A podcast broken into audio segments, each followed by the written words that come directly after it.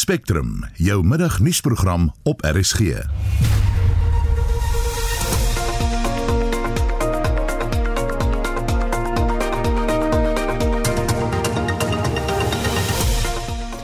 die program Koster in Noordwes is nou al 4 weke lank sonder water en dit dryf mense na trane. Hier staan 'n bakkie met emmers nou besig om water by my fabriek te kom skep. Jy's so kort rukkie op die aarde. Hoekom wil jy naar wees met iemand? Hoekom wil jy dit aan jou eie mense doen? Die Amerikaanse president Joe Biden dreig met strenger optrede teen Rusland. Russia's Vladimir Putin sought to shake the very foundations of the free world, but he badly miscalculated. He met with a wall of strength he never anticipated or imagined. He met the Ukrainian people. From President Zelensky, their, to every Ukrainian, their fearlessness, their courage, their determination literally inspires the world. En ons praat regstreeks met Oekraïne se ambassadeur in Suid-Afrika oor die jongste verwikkelinge. Goeiemiddag, ek is Susan Paxton.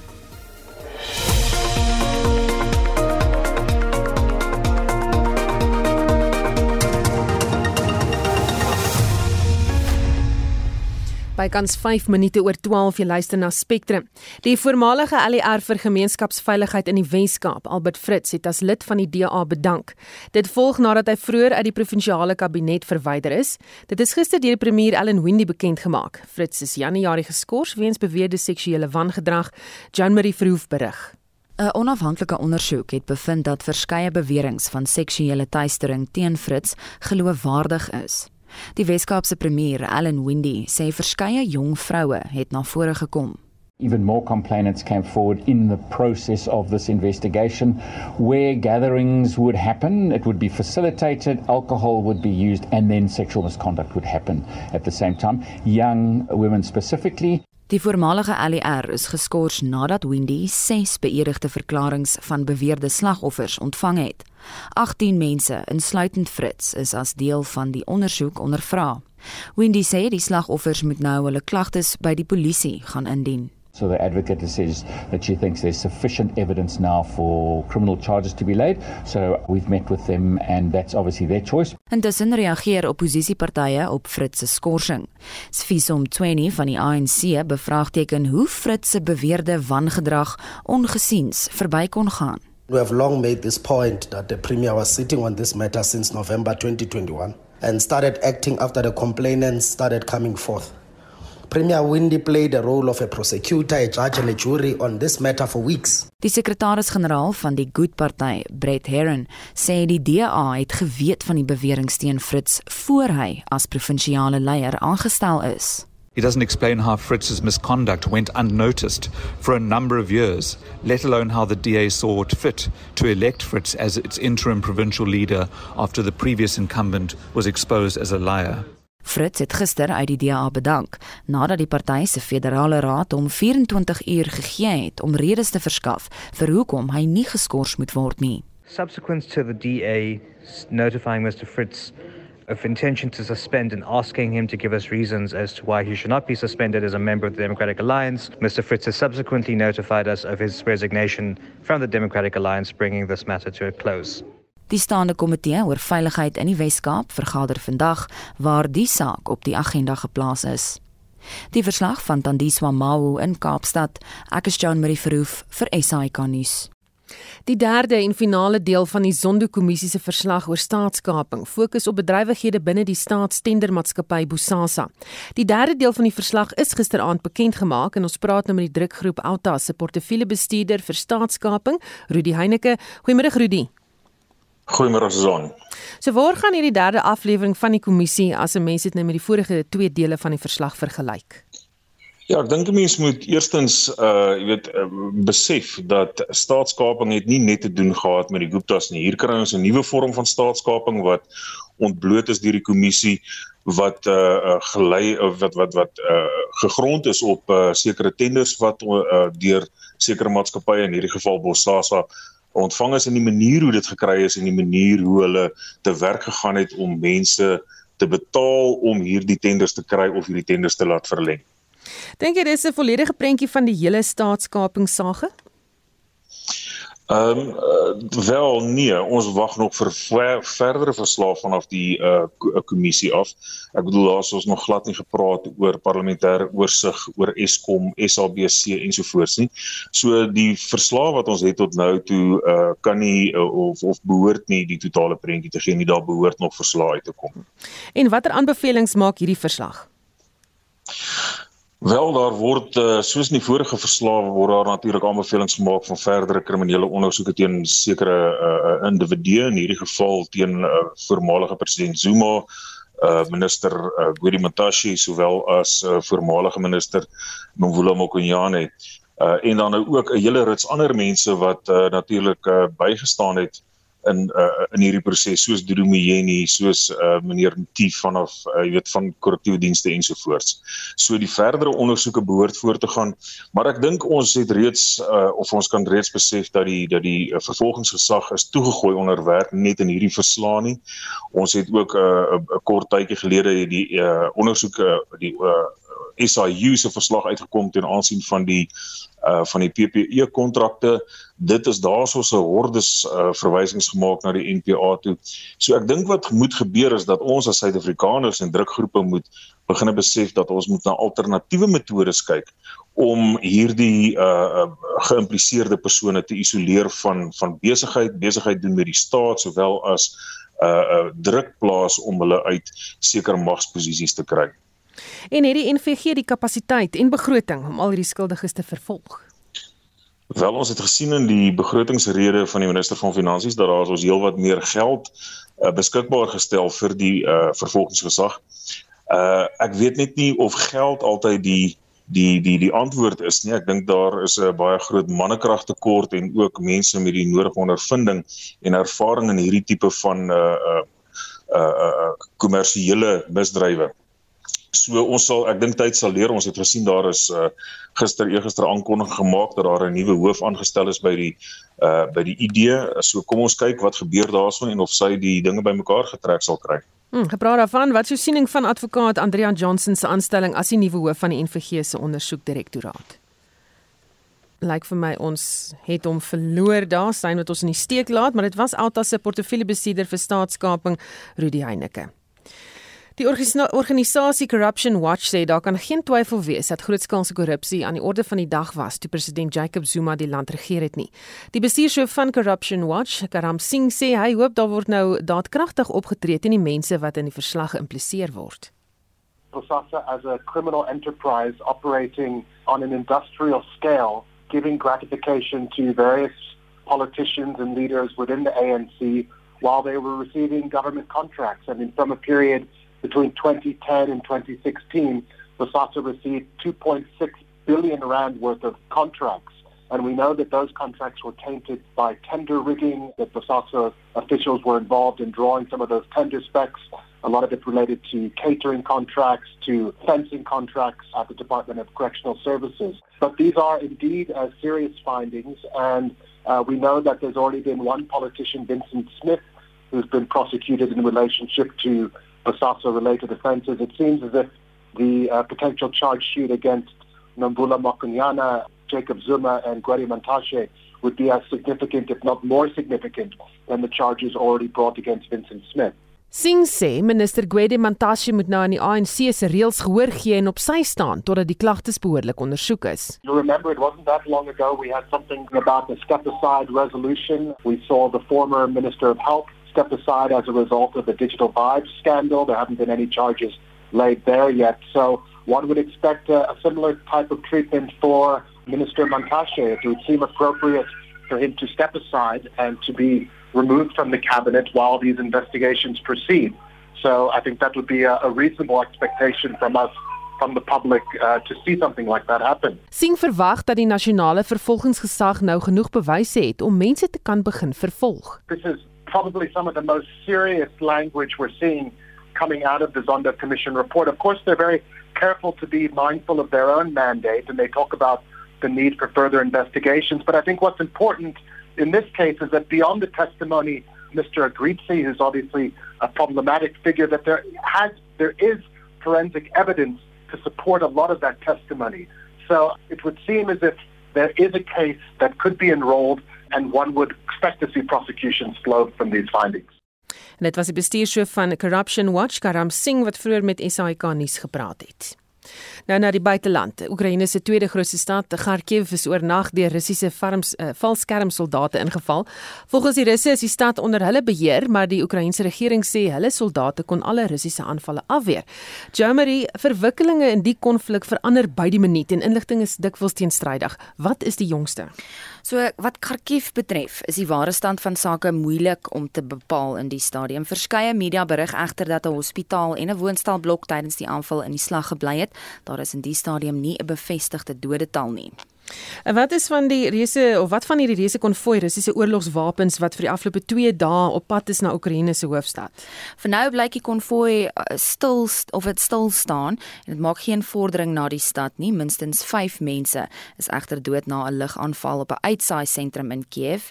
Die BBC se korrespondent in die stad, James Waterhouse, sê daar's verskeie moontlike redes hiervoor. According to Western officials, the advance has been slowed by surprising Ukrainian resistance, a surprisingly well equipped Ukrainian resistance. So that is why we're seeing the majority of Russian troops being held on the outskirts of the city. Another frustration for the Russian advance is that it hasn't achieved air superiority. Ukraine's anti missile systems are still very much working. So it could suggest a bit of a stalemate in the air that nevertheless has allowed Russia to redeploy and refocus its efforts on the capital city. The US thinks thinks it will use those thousands of armoured vehicles to encircle Kiev and lay it under siege, which Russia is accused of doing in other key cities across the country. Nou die Oekraïense president Volodymyr Zelensky het vroeër gesê hy sal nie gaan lê nie en daarom spreek hy daagliks landsburgers toe.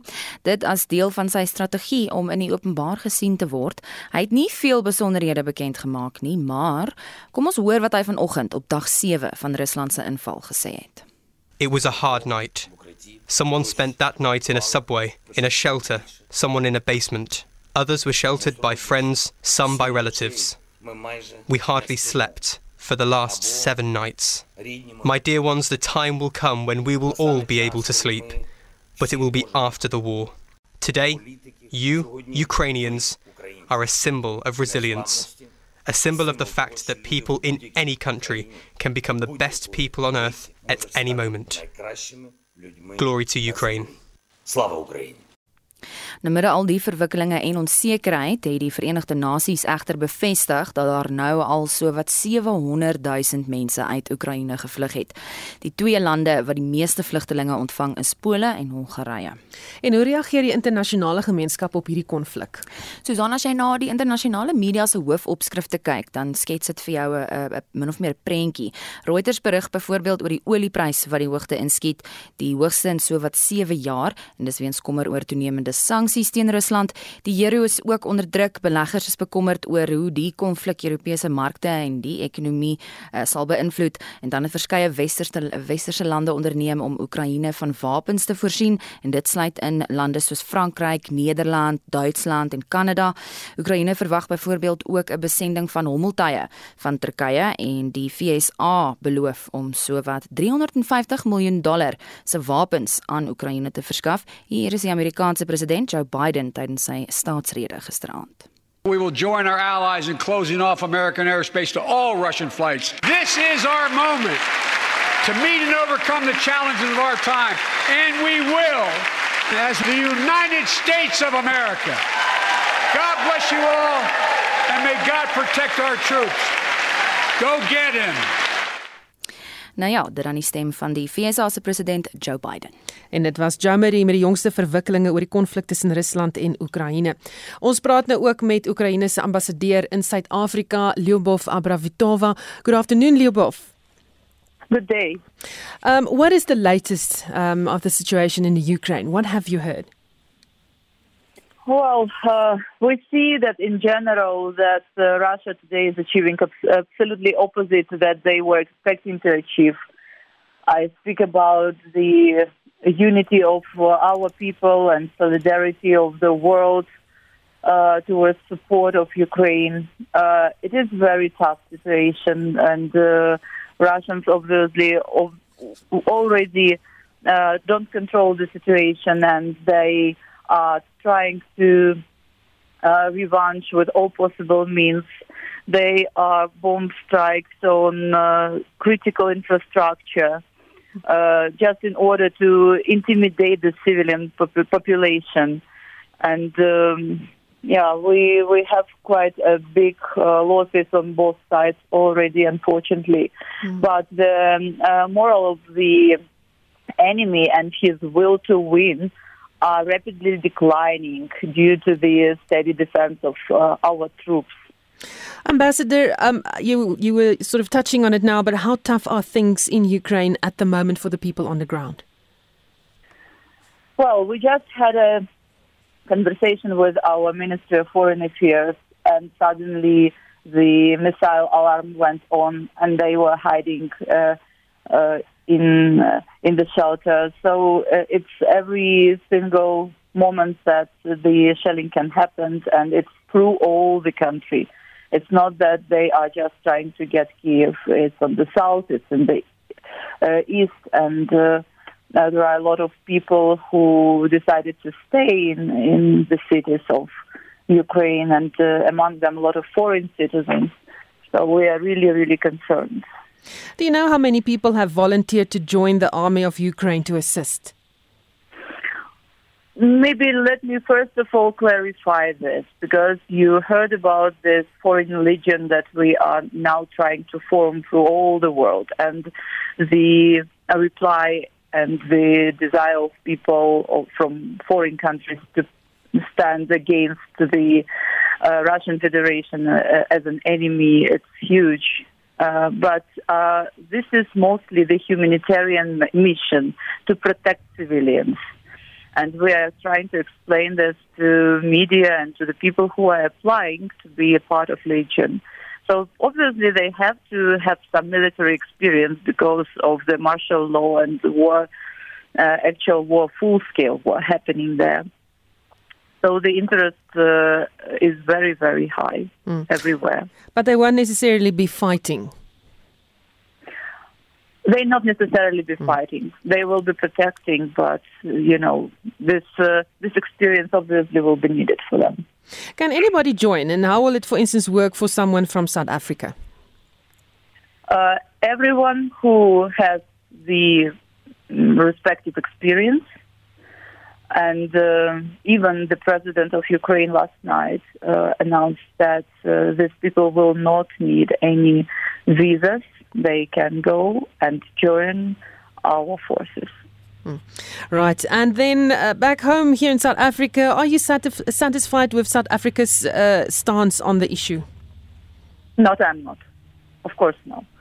I think that uh, neutrality, this is a certain kind of support of uh, Russian Federation. And of course, we would want to see uh, a very straightforward reply from these democratic countries towards all the world, and especially it's important now for Ukrainians that the sovereignty and territorial integrity matters, that it cannot be questioned, especially by weapons.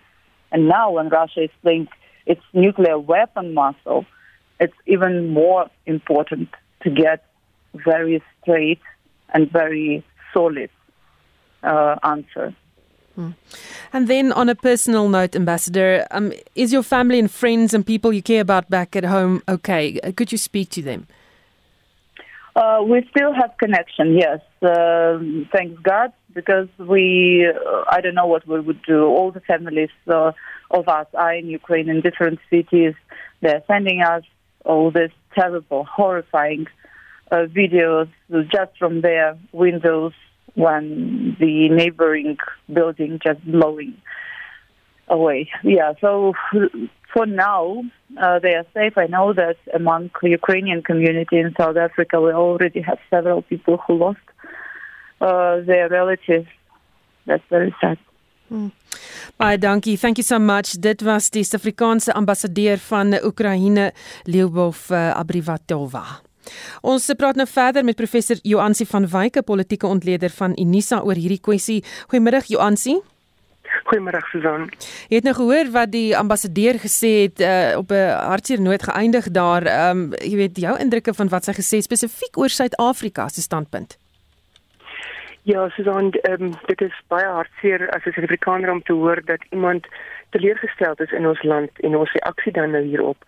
Ek het nou vanoggend saam met Sweedse diplomate vergader en 'n soortgelyke sentiment is uitgespreek dat Suid-Afrika se reaksie is is teleurstellend en um, dat daar bietjie meer van 'n sterker veroordeling um, um, verwag word van Suid-Afrika gegee ons ons geskiedenis gegee die rol wat ons speel as 'n as 'n voormalige lid van die veiligheidsraad dat die veroordeling van Rusland um, wat dit my tog na vore kom is. Ons is te sag op Rusland. Ons gooi dit elke keer terug na die VN of dan nou die menseregte ehm um, ehm um, kommissie van die van die uh, veilig uh, van die VN maar ons neem self nie 'n sterker besluit nie. En dit is wat die teleurstelling dan ook is. Ons weet nou reeds dat ons eie ambassadeur is is uit Kiev uit. Ehm um, Suid-Afrikaners daar het gesukkel het om uit te kom en en ten spyte van die oproepe van Oekraïners in Suid-Afrika um, en dan nou ook um, van hulle president blyk dit dat ons eenvoudig ons kaarte in die bors hou en dat ons baie wel soos wat die ambassadeur gesê het neutraliteit in hierdie situasie kom voorop ondersteuning van die ander party. Dan die president van die FSA, Joe Biden, het gisteraand in sy staatsrede gesê dat die land nie soldate gaan stuur na Oekraïne toe nie en eh, dat daar nie geveg sal wees nie. Met wie het hy daar gepraat? Met die publiek in Amerika of met Putin?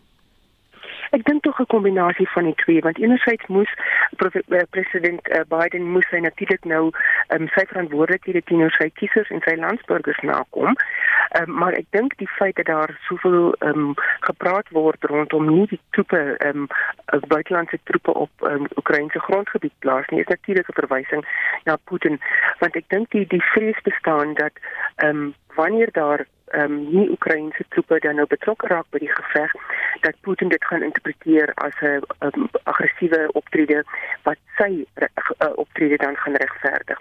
So ek dink hierdie toespraak soos in die verlede is dit 'n kombinasie van 'n binnelandse gehoor sowel as 'n buitelandse gehoor wat natuurlik ter sprake is en dit is dan ook 'n belangrike buitelandse beleidsstandpunt um, wat Biden ingestel ge, ge, uitgereik het dan. Ons weet dat Biden gegee sy ouderdom um, kan onthou hoe die koue oorlog verloop het en ek is seker dat hy as 'n voorsitter van die senaatskomitee oor buitelandse sake dan nou baie lank um, um, kan onthou van hoe die gebeure gegaan het rondom die koue oorlog maar ook dan nou rondom Putin um, as as 'n president. So so ek dink die Amerikaners en Europeërs, die NAVO koalisie en dan die Europese Unie probeer dit gedurig sê dat hulle gaan nie stewels op die grond daar plaas nie, maar dat hulle dan deur middel van tegnologie en wapens en ander middele dit dan doen. Ehm um, ek dink die oproep vir die Vreemde Legioen um, om betrokke te raak is natuurlik uh, ook 'n geleentheid wat dan sê maar okay mense het dan nie deur middel van hulle staat gekom nie maar het as individue vorentoe gekom. Ons moet net dan ook uh, kennis neem dat Suid-Afrika het 'n wet wat ehm um, Suid-Afrikaners verbied om aan ehm um, ander lande se oorloë deel te neem. Dit is die wet op die ehm um, verskaffing van militêre hulp en ehm um, ons moet net baie versigtig moet wees wanneer Suid-Afrikaners dan aanklop om hierdie hulp aan te bied. Ehm um, want daar is definitief wetgewing wat Suid-Afrikaners verbied om dit te doen. En dan is daar 'n klomp gesprekke wat reg oor die wêreld plaasvind op 'n internasionale platform, maar jy weet al die gesprekke gebeur, maar mense gaan steeds dood op die grond. Ja, en um, dit is natuurlik die groot tragedie daarvan en dit is ook dan die frustrasie met Suid-Afrika se posisie dat ons nie die erns van hierdie situasie dan nou ehm um, ehm um, in in ten minste in verwoord en en daar doen nie. Mense gaan gaan ehm um, dood mense gaan onder in in leef onder in bunkers en dit is regtig ehm um, baie hartseer om te sien dat die infrastruktuur so vernietig word en natuurlik hierdie is ook 'n 'n oorlog vir die verbeelding van die internasionale gemeenskap. Met ander woorde, wie gaan ook dan nou ehm um, hierdie hierdie die kom ons sê die die propaganda oorlog ook wen. Ons sien dat Zelensky is baie baie ervare ehm um, of dan nou baie knap om ehm um, beelde van homself uit te stuur. Ons sien nie vir Putin nie. ten minste nie in die westerse media. Hierdie man wat dan nou gewoonlik as 'n as 'n sterk man bekend gestaan het, ons sien hom nie in die openbare domein nie. Miskien dan nou binne die Russiese konteks waar ons natuurlik nou nie toegang toe het nie. Uh, maar ons sien baie meer van Zelensky wat natuurlik internasionale simpatie opwek, maar dit blyk nog steeds dat um, sy oproep op Suid-Afrikaanse regering um, of um, is is is baie baie baie um, opval op doewe ore. Hm. Johansie, net so 'n laaste vinnige vraag. Ek weet jy praat met die verskillende ambassadeurs hier op eie bodem oor hierdie kwessie. Eh, kon jy al met die Russiese ambassadeurs gesels hieroor? Nee, ek ek kon nie ehm um, dit lyk my dat baie van die van die goed wat deurkom gaan basies deur die ministerie in ehm um, vanuit uh, Moskou. Ehm um, jy mag, mag miskien gesien het van die briefwisseling wat die ambassadeur gehad het um, na aanleiding van die Europese Unie se ambassadeurs. Daar was in die media daarna verwys ehm um, wat hulle dan nou standpunt uitgereik het die Europese Unie se ambassadeurs hierso. Ehm um, daar was 'n bietjie van 'n bekgeveg tussen akademikus van ehm um, Universiteit Kaapstad ehm um, um, professor Butler en dan die Russiese ambassadeur hier ehm um, op verband met die interpretasie daarvan. Ehm um, en dit lyk my asof die die Europeërs is baie meer behendig om die kom ons noem dit dan nou maar die die winning hearts and minds um, spel te speel dit was my voorkom asof die die russe ehm um, anders as die Europeërs dan baie Amerikaanse teen die bors hou Baie dankie dit was professor Joansi van Wyke politieke ontleder van Unisa Die Skotse rockgroep Frans Ferdinand asook die Britse sangers Louis Tomlinson en Youngblood het hulle beplande optredes in Rusland gekanselleer.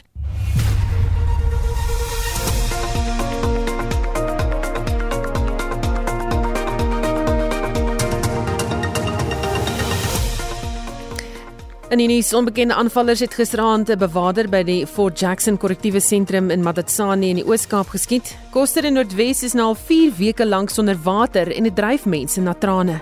Hier staan 'n bakkie met emmers nou besig om water by my fabriek te kom skep. Jy's so kort rukkie op die aarde. Hoekom wil jy naar wees met iemand? Hoekom wil jy dit aan jou eie mense doen? En Oekraïne se ambassadeur in Suid-Afrika, Lyubov Abravitova, sê die Russe kry 'n bloedneus. Uh, Russia today is achieving completely opposite that they were expecting to achieve. I speak about the unity of uh, our people and solidarity of the world. Bly ingeskakel.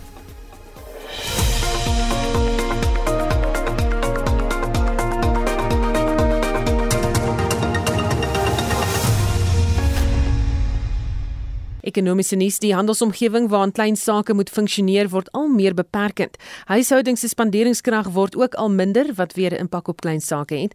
Dis van die bevindinge van die jongste klein sake omgewingsindeks en ons praat nou met die samesteller van die indeks, Richard Downing. Goeiemôre Richard. Goeiemôre Susan. Wat anders het jy gevind in die jongste indeks? Wel ek dink die groot ding is uh, dat ons het 'n redelike terugsakking gehad soos jy sê vanaf uh, Januarie na Februarie toe vir kleinsake omgewing. En veral een van die groot uh, vir kleinsake is nogal belangrik lyk my die die, die die lande om ons waarmee ons handel dryf. En ons sien dat daai daai surplus wat ons gehad het al in hulle redelik verklein het. So met ander woorde ons ons ons uitvoere na die lande toe het 'n bietjie afgeneem en dit was vir al klein sake want hulle is nie eintlik in die internasionale omgewing nie maar veral met naburige lande uh, wat hulle handel dryf. En dit is een van die groot faktore aan aan die negatiewe kant. Uh, maar dan weer aan die positiewe kant sien ons dat motorverkope veral vir vir vir klein besighede, ek meen ons praat van medium grootte uh, handelsvoertuie en so al dit het nogal redelik goed gedoen. En dit is een van die positiewe effekte op die mark wat 'n weerspieëling is van miskien verwagtinge van die klein sake omgewing dat dinge vorentoe bietjie kan verbeter. Maar mense moet sien maar die omgewing op die oomblik uh, ekonomies gesproke is maar iets wat van 'n probleem. Kan ons die ekonomie laat groei en werkskeping bewerkstellig as die politieke probleme in die land nie opgelos word nie? Ja, ek dink dit is een van die groot probleme. Ons sit met 'n werkloosheidskoers van hier by die 50%. Ons het gesien die begroting is werklik nie veel gedoen om eintlik hierdie strukturele probleme in die ekonomie aan te spreek nie. En uh, alhoewel ons nou uh, so 'n soort van uh, gelukkige surplus gehad het wat gekom het van die goudmyn in belastinginkomste af, en ons tekort vir lenings redelik laer is as wat dit sou wees as dit nie so was nie.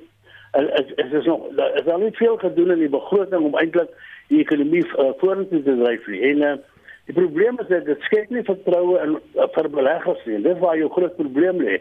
Ek bedoel as jy nie regtig mense kry wat glo in die toekoms tot 'n mate, ons praat van 4, 5 jaar vorentoe en vaste investering doen om eintlik die ekonomie aan te dryf, nie, dan gaan hierdie werkloosheidsyfer bly ons 'n probleem bly en ons sien dat tot die maatskaplike on, on, on wat daarmee saamgaan. En ja. mense wat nog in die hande inspeel van hierdie soort van problematiek waarmee ons te doen het. Dit maak die sosio-ekonomiese probleme net veel erger. Want hmm. die mense het baie keer 'n idee, is mense wat nie eintlik verstaan die omgewing waarbinne hulle opereer nie en dat die ekonomie eintlik uh, tot 'n mate 'n soort van oorlewingsstryd is. En dan kom hulle nog altyd met eise om om die ekonomie verder af te dwing en dit is ongelukkig waarmee ons op die oomblik sit. Hmm.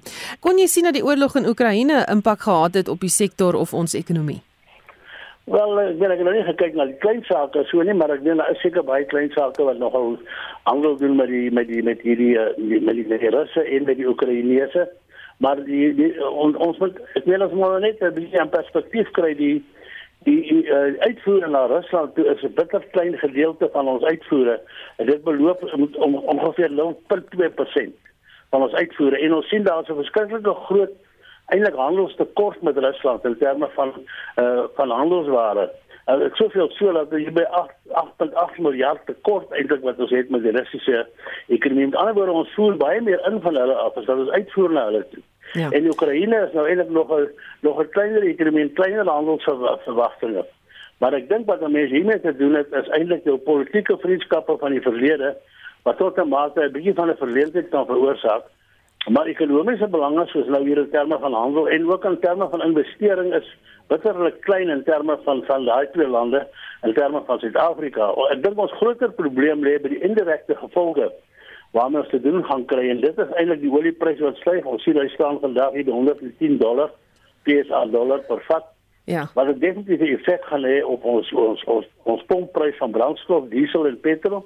En dit gaan moontlik weer inflasie verder aanblaas wat er na van aldelige gevolge rentekoers aanpassing. So die indirekte gevolge is eintlik waarna ons moet kyk. En mense hoop tog mense die Russe kom tot hulle sinne en mense kan daardie daardie soort van on, uh, probleme in in, in tussen Rusland en Oekraïne tot tot 'n meer vrede vrede vredevolle soort van uit, uit, uiteindelik kom. Baie dankie, dit was die ekonom Richard Downing. Amerika sê hy het 4 mense in Suid-Afrika geïdentifiseer wat betrokke was by die fasilitering van fondse aan ISIS in Mosambiek. In 'n verklaring van die Staatsdepartement van die FSA sal die 4 vervolg word in gevolge 'n presidensiële bevel wat in 2001 verkry is om die befondsing van terreurgroepe te staai. In die verklaring noem die FSA die name van Farhad Homer, Siraj Miller, Abdullah Hussein Abdiga en Peter Charles Mabanga en sê ook dat daar nog mense is wat befondsing aan ISIS-lede reg oor die vasteland fasiliteer. Ons praat nou met Willem Els van die Instituut vir Sekuriteitsstudies in Pretoria. Goeiemôre Willem. Goeiemôre Susan. Is hierdie vir jou 'n verrassing? Uh nee, uh Susan, ongelukkig nie. Daar as word hulle gee geruime tyd gesels en ook kommentaar gelewer oor uh, die betrokkeheid van Suid-Afrikaners in die uh, gevegte en in die uh, insurgensie in uh, Mosambiek en hierdie is maar uh, net deel van dit. Wat se rol speel die politieke gebeure, korrupsie en buitelandse beleid en selfs regeringsbeleid in wat hier gebeur het? Ek dink ek dink 'n baie beduidende uh soort van 'n uh, uh, uh, invloed wat dit het. Uh, jy weet Suid-Afrika uh, is op die oomblik nie waar hulle moet wees in terme van hulle kapasiteit met intelligensie en ten opsigte van ondersoeke ten opsigte van die vervolging van hierdie tipe van misdrywe nie. So dit dit skep natuurlik die uh, baie ideale 'n uh, omgewing vir die mense om in te opereer en nie net hierdie mense nie maar ook natuurlik ander radikales wat inkom om hulle bedrywe hierso te doen. Ons weet ook dat Suid-Afrika op die oomblik word genoem as een van die kernpunte waar daar natuurlik terrorisme befondsing van afgedoen word. Daar is op die oomblik 'n saak in uh, Kenia aan die gang waar uh, die uh, terroriste wat die die dosse die twee hotel aangeval het waar daar indikasies is dat die befondsing ook van Suid-Afrika gekom het en dit het nou uitgekom in die hof daar. Terwyl Suid-Afrika betrokke is by die stryd in Mosambiek teen die groepe, is die optrede van die mense nie verraad nie. Ja, wel jy moet 'n uh, eerste plek as Afrikaanse burger wees om om om om verraad te hê. So ons sien dat twee van hierdie mense is nou wel nie uh Suid-Afrikaanse burgers nie. Maar ons sien dat daar wel twee is wat was en wat dan natuurlik so optree. Wel, dit is 'n regs uh, tegniese vraag waaroor ek nie presies kan gesels nie. Baie dankie. Dit was Willem Els van die Instituut vir Sekuriteitsstudies in Pretoria.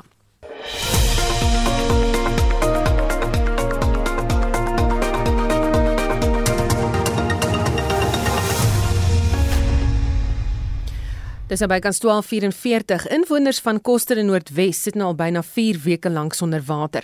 Hulle is afhanklik van 'n boorgat by 'n kleuterskool in die plaaslike township. Dit ten spyte van 'n instandhoudingsooreenkoms tussen die munisipaliteit en Magalies Water. Die munisipaliteit skryf die krisis toe aan 'n stikkende waterpyp en sê Magalies Water moet ingryp. Ander faktore soos 'n waterpomp wat uitgebrand het, speel ook 'n rol, maar Marlenae Forsie berig dit is inwoners wat nou aan die kortste end trek. Die kleuterskool in die township is een van die plekke waar die gemeenskap ingryp om die nood te verlig. Inwoners is skeelvol. 'n Gemeenskapsleier, Solly Modisane, verwoord hierdie frustrasie. As you can see, the infrastructure here, our community is really suffering concerning the water.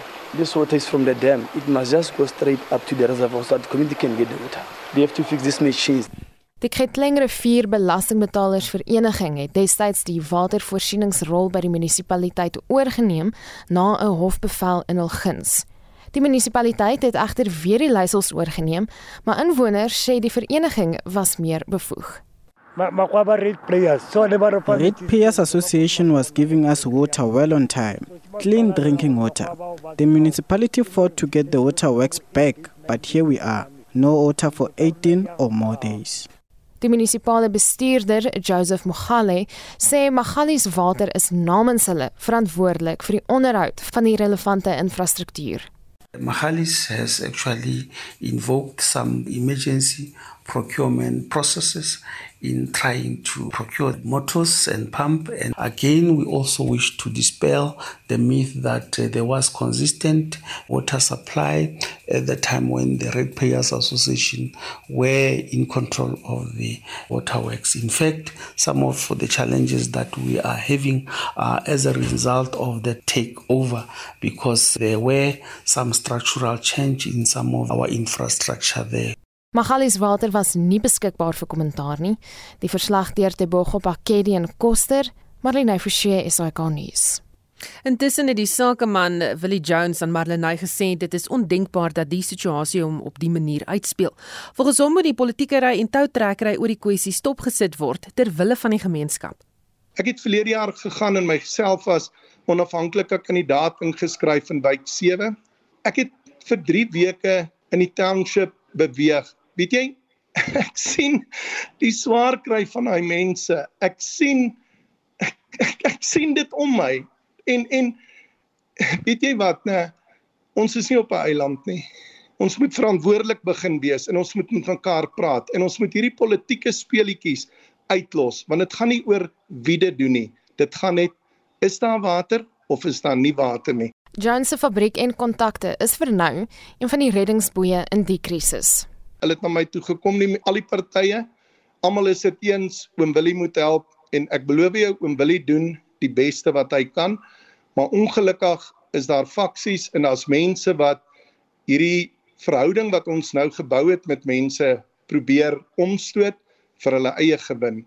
Dit is hartseer. Ekskuus ek dit is hartseer. En wie kry swaar? Hier reg oor die fabriek hier staan 'n bakkie met emmers nou besig om water by my fabriek te kom skep. Dis nie nodig nie. Die tyd van emmers water dra is verby. Ons het pype, ons het pompe. Dit moet net reggemaak en onderhou word. Weens sy betrokkeheid om die waterinfrastruktuur in die verlede saam met die gemeenskap in stand te hou, is Jones in Januarie deur die munisipale bestuurder genader om te help met 'n stikkende waterpomp by Witrand. Ek het my mense in die vakansie bymekaar gemaak. Ons het gegaan. Hy was 9:00 die oggend by my kwart voor 11:00 die aand toe loop die pomp, alles is herstel. Toe skryf ek hom 'n verslag om te sê ek het die werk vir jou gedoen. Ek verwag obviously betaling daarvoor 1, 2. Die motor moet opgelyn word, die coupling is vodde, hy moet herstel word en terwyl jy hom herstel, dis net 'n rubber wat ingesit moet word, moet jy hom laser align en julle moet hom grease die bearings en as julle dit nie doen nie, sit ons weer wat ons was. Hy sê daar's twee pompe wat om die beerd gebruik is. Nou albei was nadat hy daaraan gewerk het en volle funksioneel, maar een moes weer weggestuur word vir herstelwerk wat nooit plaasgevind het nie. Hulle het Saterdag wel vir my die twee pompe, die een wat weg was en die ander pomp gebring. Die probleem is nou ons praat met die ouens van Kokta Ek praat met die ouens van Magalies, ek praat met die burgemeester, ek praat met die munisipale bestuurder, ek praat met elke politieke party, enige mense in die gemeenskap wat wil kom en kom kyk en sien wat is die vordering op die pompe, die toestand wat die pompe is. Volgens hom is die skade aan die pompe erger as wat daar aanvanklik gedink is. Dit moet nou vervang word omdat daar geen onderdele daarvoor is nie en daar slegs een ander soortgelyke pomp in die land. Ek sien direkte verbinding met met die verspreider van die pompe. Die mense het nog nie betaling gekry nie. Sou die betaling vandag gebeur, die impellers moet afgesny word na 363 mm. Dit gaan 'n dag of 2 vat. Dan moet die pomp vir 24 uur laat hardloop word dat dit seker is die pomp is reg. So sonder om doemprofeet te wees, gaan ons nie voor Saterdag daai pomp hê nie. Tabu Jacobs, die dorp se meier, Hy het self gister vir my 'n bent gebring en 'n eiverloopstuk wat as gevolg van die vibrasie van die pomp wat verkeerde beerings ingehaat het, verkeerde motor opgehaat het, te vinnig geloop het, is die goed vrot gekraak. Hy het my gevra ek moet dit asseblief vir hulle herstel. Die mense is nou besig om die pype te druk toets, maar jy moet verstaan, ek het nou toevallig nie 'n raps oor 'n miljoen rand om 'n motor en 'n pomp te koop en te vervang nie. En lyk dit my niemand het die vermoë om 'n nuwe pomp ons in die hande te kry te betaal alwees nie. Dis die gerompslomp en toutrekkery wat nou sy tol begin eis. Hi Marley. Ek kan hoor dat hierdie vir jou regtig 'n groot probleem is. Weet jy dis Hoekom wil 'n mens jy so kort rukkie op die aarde? Hoekom wil jy naar wees met iemand? Hoekom wil jy dit aan jou eie mense doen? Jesus, hoekom is ons op die aarde? Is ons op die aarde gesit om mekaar heeltyd in die rug te steek? Kom ons werk saam. Daar's genoeg vir almal. Dit was Willie Jones, 'n sakeman uit Koster. Marlene Forsie is hy gaan nuus. Wat sake nuus betref, handelmarkte sterker weens 'n afname in spanning oor die konflik in Oekraïne. Robert Cameron, 'n portefeuljebestuurder by Fisher Dugmore Sekuriteite, is op die lyn met die jongste. Goeiemôre Robert. Goeiemôre Susan, goeiemôre luisteraars.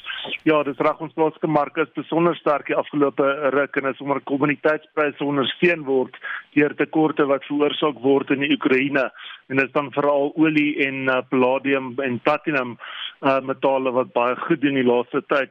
Die indeks vir alle aandele is sterker met 0,4% of 470 punte. Hy staan op 77540 punte. Die top 40 indeks verbeter 0,7%. Die Hulbron indeks is beter met 2,1%. Die Navrats indeks is swakker met so 0,2% en dan die finansiële indeks is af met 0,8%. Ons kyk na enkele aandele, Sasol is sterker met 7,7%. Hy is so R397.50 net kort van daai R400 vlak. Uh Bidwest is sterker met uh, 3,5%, R228.40. Hy het baie goeie resultate gehad vroeër in die week. Tungela is sterker met uh, 3,6%, R150.30 dan Naspers verloor 2% R1900 en dan Baloworld verloor so 4,3% op R109.80. Uh, uh die wisselkoerse die rand versterk rondom 0,2%, uh R15.44 teenoor die Amerikaanse dollar, R17.14 teenoor die euro en 'n Britse pond kos jou tans R20.58. Kommoditeite, die gatprys 1942 dollar per fyn ons, platinum 1061 dollar, dan die Brent-olieprys sterker met 5,2% hy's op 110 dollar 40 en dit soos vrese oor tekorte wêreldwyd begin ontstaan.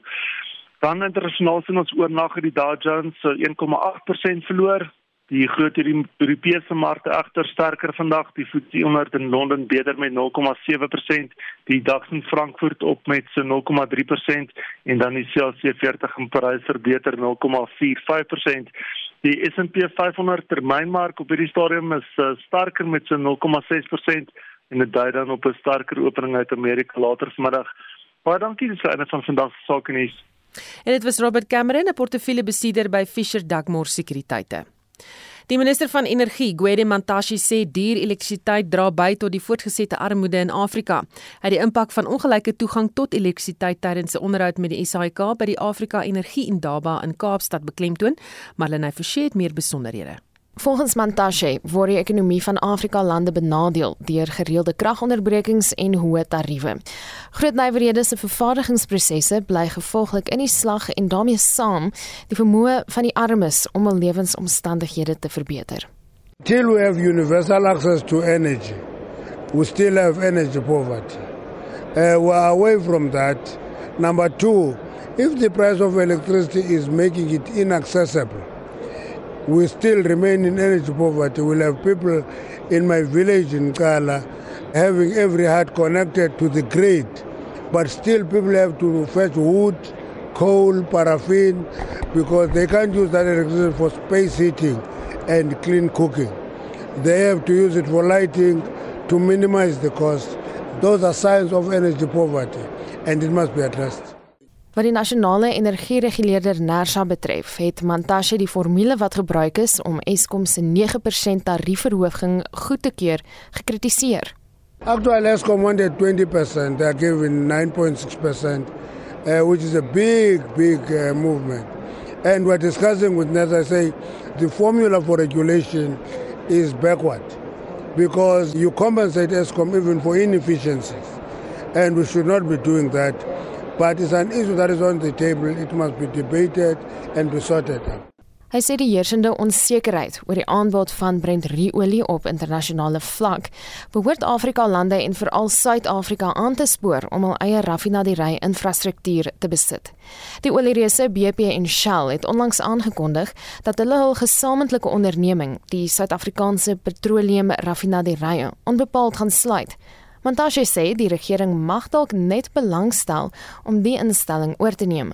I hope the state can be able to take over Sapraf. I'm still hopeful about that because if we do that, at least the state will increase its capacity in the refining space. And if you take Sapraf and you rework on Petro SA, you reinstate it, we'll actually control quite a sizable amount of refining capacity. But part of the finished product will have to be imported in any way. But the state must also have that right to import and refine. Dit was die minister van energie Gwede Mantashe. Die Afrika Energie Indaba duur voort tot donderdag. Ek is Marlene Forsie vir SAK nuus.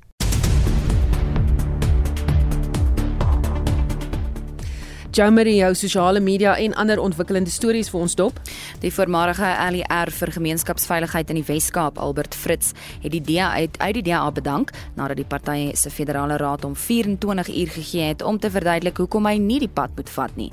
Dit spruit alles uit beweringe van seksuele wangedrag teen hom. Hier is die Wes-Kaapse premier, Allan Windey. Even more complainants came forward in the process of this investigation where gatherings would happen, it would be facilitated, alcohol would be used, and then sexual misconduct would happen at the same time. Young women specifically. So the advocate says that she thinks there's sufficient evidence now for criminal charges to be laid. So we've met with them, and that's obviously their choice. Oekraïne se ambassadeur in Suid-Afrika, Lyubov Abravitova, het intussen met ons gepraat oor die verwikkelinge in Oekraïne. Vandag is dag 7 van die Russiese inval op die land. We just had a conversation with our Minister of Foreign Affairs and suddenly the missile alarm went on and they were hiding in the shelter. So it's every single moment that the shelling can happen and it's through all the country. There are a lot of people who decided to stay in the cities of Ukraine, and uh, among them a lot of foreign citizens. Intussen het die internasionale monetaire fonds 'n versoek van Oekraïne ontvang vir noodfinansiering. Die IMF sal waarskynlik vroeg volgende week die versoek oorweeg. Monitor kyk môreoggend na die implikasies van die sanksies op Rusland se ekonomie, so skakel in daarvoor. In ander nuus, die Hooggeregshof in Pietermaritzburg het beslis dat die afhandeling van koning Goodwills Valentini se testament gestaak word. Dit hangende verhoor oor die egtheid van die testament wat in 2016 opgestel is. Die aansoek is gebring deur Valentini se eerste vrou, koningin Sibongile Dlamini eh, Zulu se twee dogters. En dit gons ook behoorlik op sosiale media oor die derde deel van die verslag oor die ondersoek na staatskaping. Dit se soos Bosasa, Zondo, Zuma en Nomvula is van die sleutelwoorde.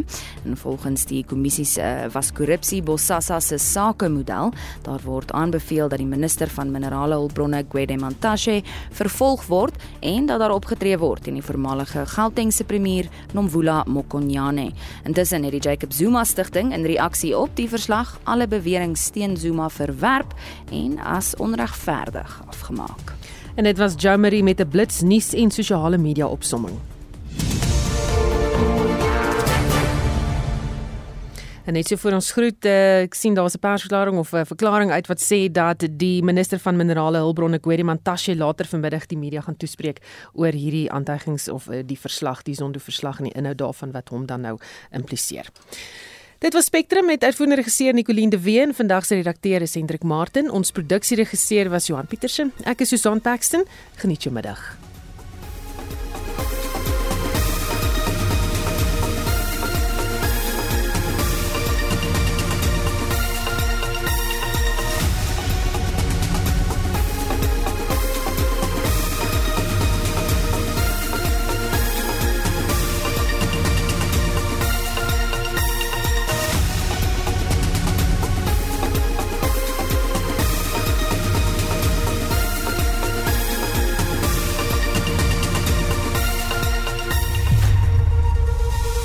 SAK nuus.